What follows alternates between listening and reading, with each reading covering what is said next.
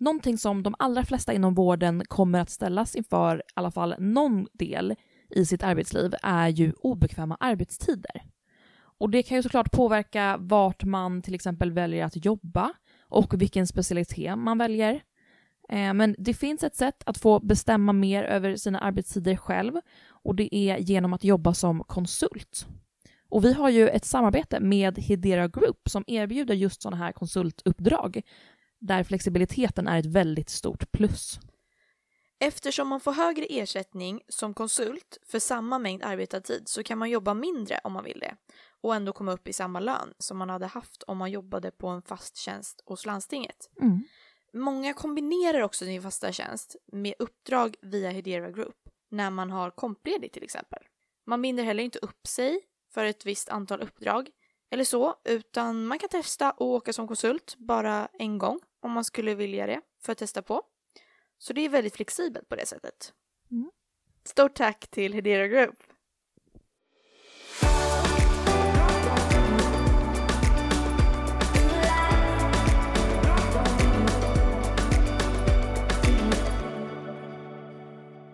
Hallå hallå! Hej hej! Nu var vi här igen. Ett nytt avsnitt. Ja! Och vad ska vi prata om idag? Idag tänkte vi prata om de endokrina effekterna av fett. Mm. För det tycker vi är jätteroligt. ja.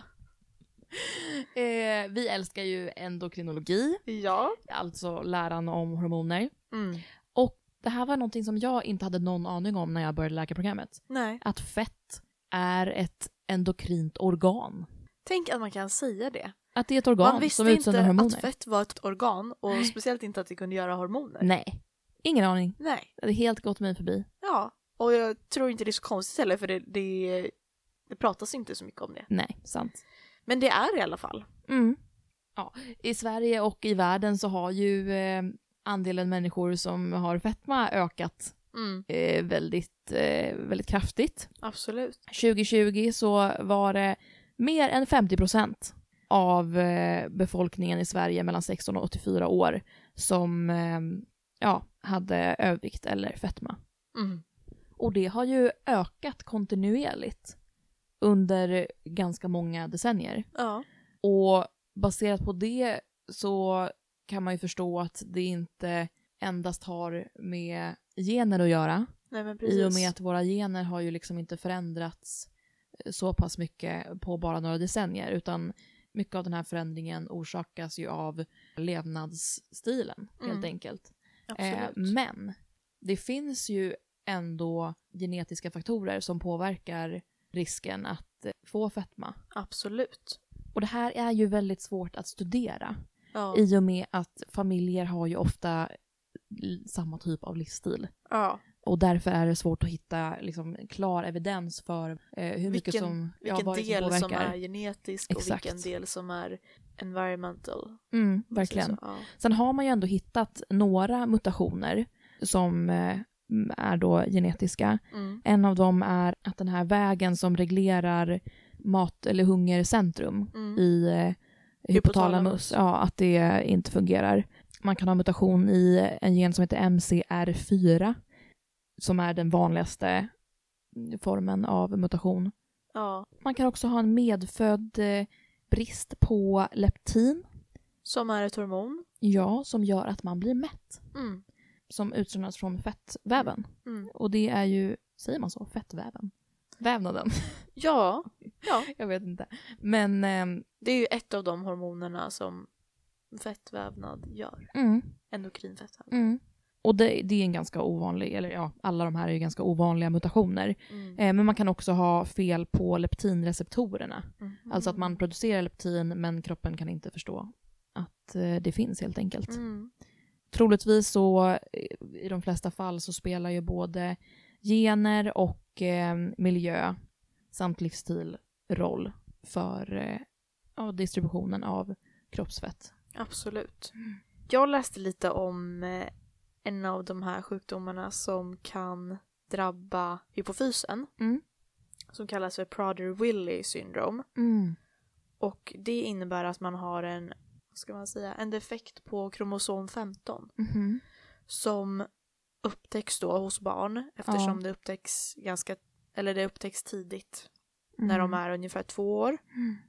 och orsakar då att hypofysen blir underutvecklad tror jag. Ja. Och ett av symptomen är att de får en omättlig hunger. Mm. De blir kortväxta. De får svaga muskler, ja, inlärningssvårigheter, även någon slags här beteendestörningar Mm. med aggression och så. Oj då. Men det här är, jag vet inte riktigt om man kan säga att det är vanligt, det är väl kanske inte, men det drabbar Nej. ungefär 6500 barn per år. I hela världen. Ja. Ja. ja men jag har för mig att vi hade en föreläsning Mm. där en lärare berättade om det här och att eh, det blir ju fruktansvärt för familjerna som då måste typ låsa kylen Mm. liksom om man har en sån och ja men har barn som både är väldigt arga och aggressiva Ja. och inte kan sluta äta. Ja. Fy fasen vad hemskt. ja, och liksom neka ens barn att få äta. Det Mm. måste ju vara jättehemskt för en förälder. usch. För det enda man vill göra är ju liksom att ta hand om Ja. sitt barn och se till att den är nöjd och Ja. ja, För, framförallt när det är liksom två bast. Ja, alltså, det är ju inte en mycket. tvååring liksom. Ja. Och de Nej, här... det måste vara jättejobbigt. Ja. Men som sagt, det här är inte jättevanligt. Nej. Men det finns. Ja. Så, Och det här som vi tog upp nu var ju då mutationer i själva DNA. mm. Sen finns det ju någonting som vi inte tagit upp i den här podden än som kallas för epigenetik. Mm. För det är ju någonting som man gick igenom på typ T1. Ja, det är ganska intressant. det är väldigt intressant. Istället för just att man har, som den vanliga genetiken, att det är förändringar i de här basparen som uppgör DNA Mm. så kan det vara förändringar av hur DNA uttrycks och om det liksom är alltså vi brukar säga att om det är tillgängligt eller otillgängligt Mm. på grund av olika molekyler som sätts Ja. på eller tas bort. Ja. Ja. En som vanlig är ju om det är metylerat eller Mm. inte. Ja, som du sa, det är, vissa delar av genomet är tillgängligt för Mm. uttryck och andra inte det. Och sådana saker har vi förstått beror mycket på saker som man utsätts för under livet. Mm. Påfrestningar av olika typ, till exempel, vi skulle ju kunna prata om det med svältperioder till exempel som det har varit i olika tider i världen Mm. och som säkert pågår just Ja. nu också. Men när man har gjort studier på det så har det varit under krigsperioder ofta. Mm. Mm, där man har liksom ransonering av hur många Mm. ja, men kalorier i princip som eh, Eftersom- människor får äta. Ja, eftersom att det ska räcka till alla så Mm. fick de inte så mycket var. Och då har man sett att om gravida kvinnor svälter i början av graviditeten Ja, första trimestern typ. mm, men sen får äta normalt de Ja. andra två trimestrarna. Mm.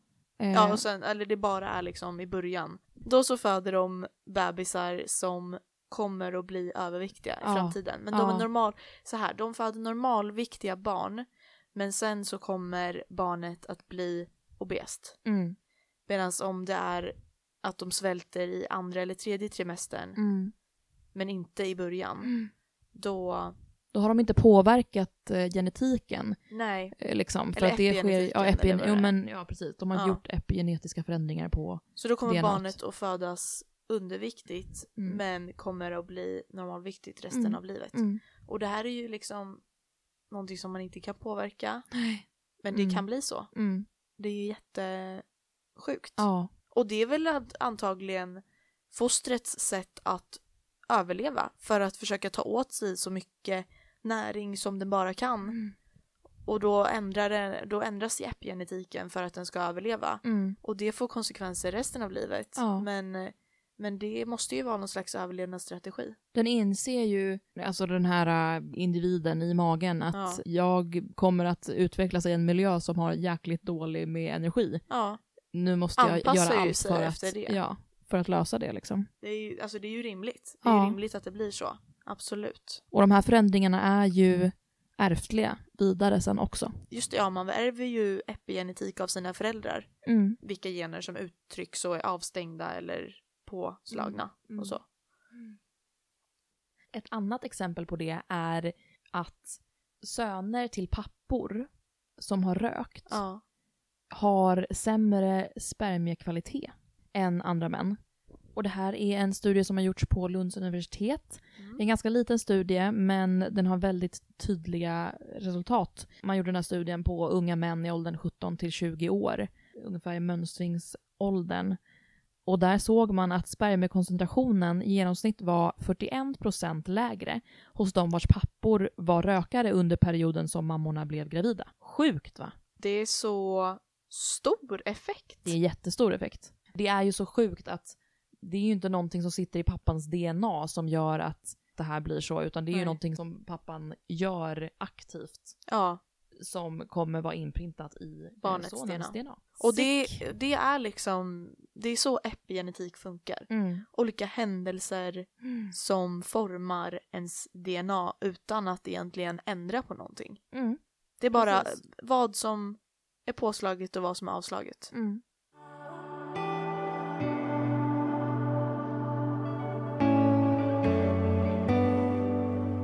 Som vi sa tidigare så utsöndrar ju fett hormoner. Ja, vilket fett då? Det endokrina fettet. Ja. Det vis viscerala fettet, det vill Ja. säga det djupa fettet. Eller hur ska man förklara det? Ja, men fett som är eh, mer inne i kroppen. Mm. Det som ligger runt organen, fett i levern, Ja.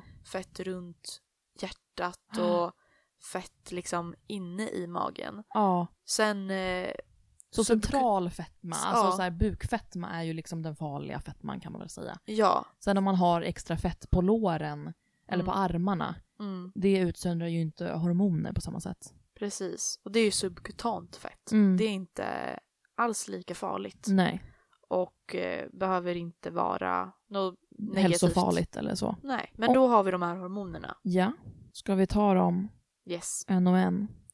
Vi kan ju börja med hormonet resistin. Mm. Och eh, som namnet antyder så ger resistin insulinresistens. Mm. Resistans? Resistens? Mm. Och det förstår man ju då är dåligt med tanke på diabetesrisken. Mm. Det som händer när man får typ 2-diabetes är ju att man inte blir lika känslig för insulin helt enkelt. Mm. Så Man där har vi ju, Insulinresistans. ja, så där har vi en väldigt tydlig eh, faktor som påverkar det. Att ju mer fettvävnad man har som är endokrint så får man mer resistin som Mm. kommer att öka insulinresistensen. Ja, sen så har vi till exempel adiponektin. Mm. Den är lite mer positiv kanske man kan säga. Mm. Den motverkar inflammation och den ökar insulinkänslighet. Mm.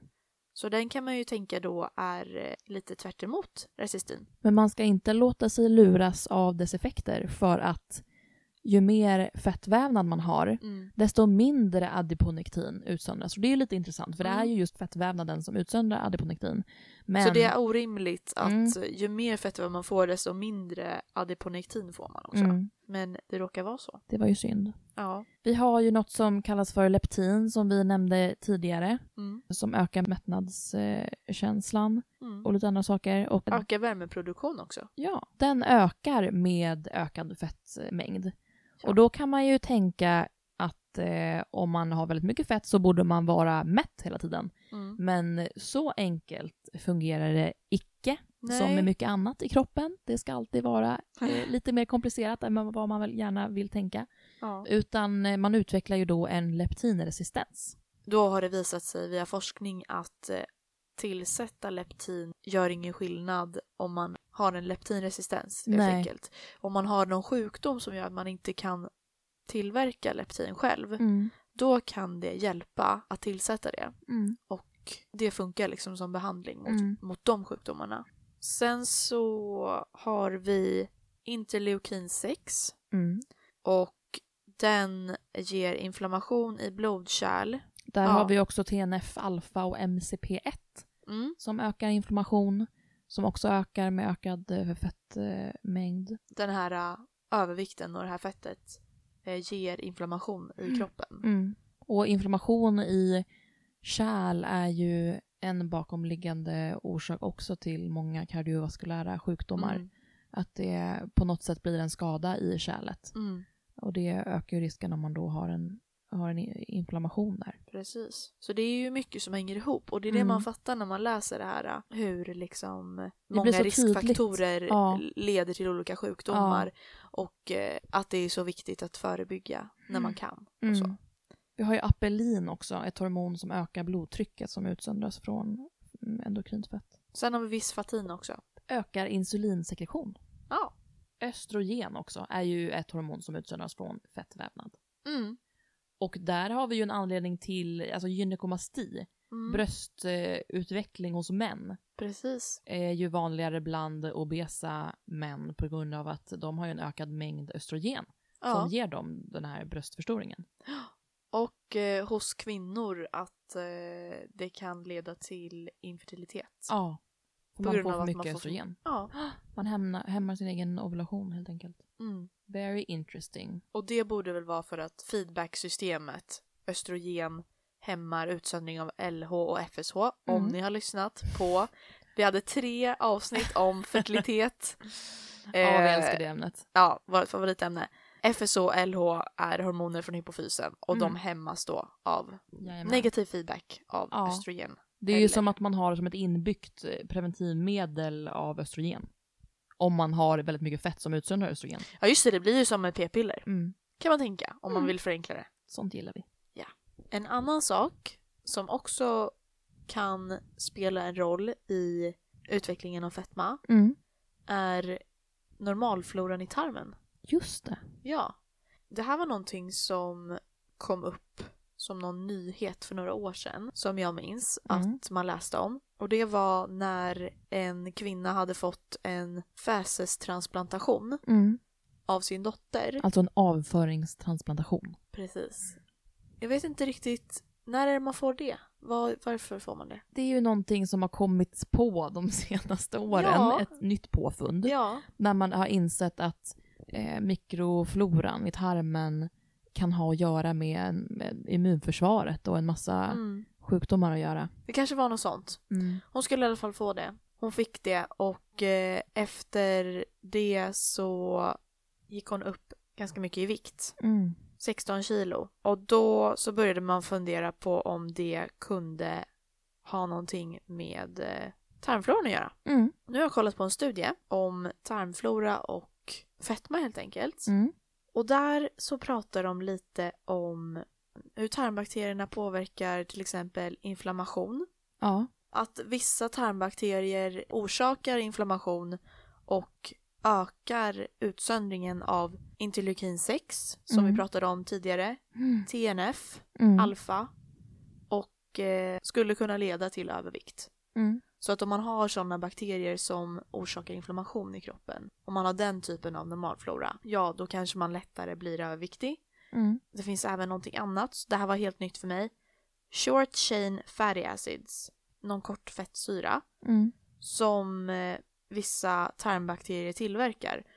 Och den är bra för metabolismen. Den typen av fettsyra reglerar tydligen aptit och mättnad Mm. och ger ökad mättnad och på så sätt minskat matintag genom att den stimulerar eh, en fri fettsyrareceptor och det ska tydligen göra att man blir mättare på något sätt. Mm. Så att de bakterierna är liksom bra för mättnaden. Ja. Så det här är liksom två exempel på hur tarmfloran kan påverka metabolismen helt enkelt. Mm. Och sen hade man även i den här studien kommit fram till att eh, probiotika som främjar de bra bakterierna i tarmen var bra för att liksom ha en hälsosam vikt och viktnedgång hos överviktiga personer till exempel. Mm. Det där Så- är jätteintressant. Ja, det är ju så coolt om att, Om det är så. ja, att man kan liksom stärka sin tarmflora och på så sätt bota ett stort hälsoproblem i Mm. världen. Verkligen.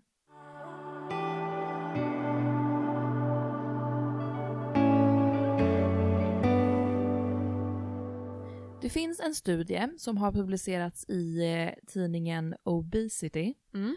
som är en sexårs uppföljning av eh, hur det gick för deltagare i Biggest Loser. Mhm. Och det här har eh, överläkare Per Videhult skrivit om i Läkartidningen. Ja, Det är därifrån jag har fått den här informationen. När tävlingen startade så vägde de i medelsnitt 149 kilo för att under tävlingen sen, eh, som pågick under sju månader, gå ner till 91 kilo i Mm. genomsnitt. Och det här är ju en väldigt imponerande viktminskning. Mm. Det bevisar ju hur motiverade de här eh, deltagarna var. Mm. Sen ser man ju då att efter sex år så hade 14 av deltagarna gått upp nästan all den vikt som de tappade. Mm. Och eh, fyra av deltagarna vägde mer än förra tävlingen. En vägde lika mycket. Så att från att ha gått ner i vikt i genomsnitt 40% så återstod bara 12% efter sex år. Mm. Och då undrar man ju varför gick de upp i vikt igen? Det här var ju uppenbarligen väldigt motiverade deltagare som ägnade väldigt lång tid åt att eh, gå ner i vikt Ja. och har fått alla liksom, hjälpmedel och kunskap och sådär som de behöver. ja. Men då har man ju då sett, de här forskarna, att deltagarnas ämnesomsättning i vila sjönk i takt med att kilorna försvann. Mm. Och det är ju ändå rimligt. När tävlingen började, då hade de en genomsnittlig ämnesomsättning på 2607 kalorier per dag i vila. Och sen så i slutet av tävlingen så hade ämnesomsättningen sjunkit till 1996 kalorier per dag. Sen efter sex år, när de här deltagarna gick upp ganska mycket i vikt igen, Mm så fortsatte ämnesomsättningen att sjunka till 1903 kalorier per dag. Mm. Det vill säga 27% lägre än när tävlingen började. Och det är ju väldigt intressant det här att ämnesomsättningen fortsatte sjunka fastän de sen gick upp igen. Mm. Det blir ju väldigt Man, svårt. Det borde ju, om det hade liksom jämnat ut sig så hade ju ämnesomsättningen ökat Precis. när de ökade i vikt. Mm. Men det var tvärtom. Ja. Och det här grundas ju i att eh, vårt fett är ju en slags livsförsäkring Mm. för oss ifall att vi utsätts för svält och Mm. sådana saker. Och när vi bantar så reagerar kroppen som att vi inte hade någon mat och man sänker ämnesomsättningen. Mm. Så länge ens fettceller är fyllda med fett så utsöndrar de leptin som vi har pratat om. Mm. Så när man går ner i vikt och fettdepåerna i de här fettcellerna sjunker Mm. så kommer vi ju bilda mindre leptin. Mm. Och i och med att leptin gör en mätt så kommer ju en minskning av den här utsöndringen att göra en hungrig. Ja. Så går du ner i vikt så blir du mer hungrig helt enkelt. Och det här kunde man ju mäta på de här deltagarna. Man såg att leptinnivåerna sjönk i snitt 93 procent. Förstår du vad mycket det är? Det, alltså, de har ju nästan inget kvar. Nej. Från 41 nanogram per milliliter till 2,7. Sen så ökade det lite igen när de gick upp i vikt igen till 28. Då kan man ju tänka att fettcellerna fyllde Fick på lite, sig. precis. Och så blev de, okej, nu Mm. kan vi sluta tjata. Ja, Ni kan, ni har, ni har fått. Ja. Totalt så blev det en sänkning på 32 procent från Mm. de ursprungliga nivåerna. Och det är ändå en ganska stor sänkning. Mm. Man kan liksom inte förstå om man inte har varit där själv hur sjukt jobbigt det måste vara Mm. att gå, vara så hungrig. Mm. Nej, det går liksom inte att föreställa sig. Nej. Så det är inte konstigt att det är svårt att behålla, ligga på den vikten som man Nej. har gått ner till om man tänker att man blir mycket, mycket hungrigare än vad man Mm. var innan. Mm. Man får en liksom tiondel leptin. kvar av sitt Ja. leptin som man hade från Mm, början. mm. Plus att man behöver mindre kalorier Precis. för att metabolismen har gått ner Ja. så jäkla mycket. Mm. Så det är inte en Det lätt ju- task, alltså det är ju nästan omöjligt. Ja. Nej, och det här visar ju verkligen hur fetma orsakar liksom permanenta ändringar i ämnesomsättningen. Mm. Vilket liksom, Det är hela poängen är ju att kroppen försöker motverka en nedgång i vikt. Ja. Det är det som är hela målet. Vi har behövt det. Mm. genom hela människans historia. Men det här blir ju ett stort problem. Det blir ju ett väldigt stort problem för de människorna som gör en förändring för sin hälsas skull och vill minska risken för diabetes eller kanske har ledproblem och vill eh, göra någonting för Mm. att få en bättre hälsa och kunna leva längre liksom Mm. och vara frisk. Och då ska man inte kunna det. Nej, för att det ska, vara, för det. då ska man straffas för Av den det. egna kroppen. Och, och fett, fettcellerna ska liksom, nu ska du bli hungrig här Ja. och du ska inte tro att Ja. du kan gå ner i vikt Komma liksom. och göra vad du vill. Kom inte här och kom. Nej. alltså, nej. Nej, jag gillar inte det. Alltså Inte nej. jag heller. Nej, någon måste hitta på dumt. någonting för att ändra det här. Ja, men jag tycker att den här studien är intressant för det belyser verkligen hur ja, men viktminskning Mm. inte, som det känns som att många tror, Mm. har bara att göra med motion och kost och motivation. Det här var ju uppenbarligen väldigt högmotiverade människor. Ja. Eh, och det är svinsvårt. ja. Mm. Det visar ju verkligen att det finns de här fysiologiska mekanismerna som hindrar en från att ha liksom en hållbar viktnedgång. Mm. nu kurrar min mage. Det, det är lite sent. Det är lite sent. behövs lite jag mat. behöver min pizza. Ja, Ja. man blir ju hungrig. Ja, man blir det. Men alltså, Vi skulle ju kunna komma in på det här med mm, setpoint-hypotesen. ja, det är väldigt intressant. Victoria nämnde det här med evolutionärt så har vi behövt ta vara på den energin som vi kan få i oss. Mm. Och kroppen vill inte förlora, Det som den har sparat nej men enkelt. precis, man, den vill inte gå ner i vikt. Och det som setpoint-hypotesen går ut på är att man har en viss vikt och att kroppen vill liksom upphålla den. Mm. Egentligen så tror jag att hypotesen utgår från att det ska gå åt båda håll. Att om man till exempel äter mer i några dagar Mm. så kommer eh, metabolismen att öka för att matcha det så att du kan ligga på den vikten som du ska ligga på eller som Mm. kroppen tycker att du ska ligga på. Mm. Medan om du äter lite mindre några dagar så ska metabolismen sjunka och Mm. matcha det liksom Mm. så att du ska kunna ha ligga på din normala vikt. Mm. Men den tenderar alltid att om man liksom hamnar på en högre vikt till exempel för att man om man har en längre period när man har högre, Högre intag. energiintag Ja. jämfört med energiåtgång Mm. då kommer kroppen att anpassa sig till den nya setpointen Mm. och hitta en ny målvikt som Mm. den vill följa Mm. och den vill inte Tappa det. den vill inte tappa det när den väl har uppnått det. Mm. Och det kan man ju liksom tänka att det hänger ihop med det här med leptinet och fettdepåerna som Mm. minskar eller ökar Absolut. och hungern till exempel Mm. på grund av det. Mm. Jag tror att det var allt som vi tänkte prata om i det här avsnittet. Det var det nog. Mm. Hoppas ni har tyckt det varit intressant. Ja, Hör gärna av er om det finns något ämne som ni skulle vilja att vi pratar om. ja! Vi tar gärna emot förslag. Det gör vi. Eh, ibland är det jätte, eller det är jättekul att eh, bara få ha ett helt avsnitt och grotta in sig Mm. i ett ämne. För det är ju så intressant. Man får så många wow moments. Mm. När man sitter och läser och bara, Mm. hur funkar det här? Ja, det är coolt. Ja, Ha det så bra. puss och kram och Puss, ta puss. hand om er. Vi ses. Hej då!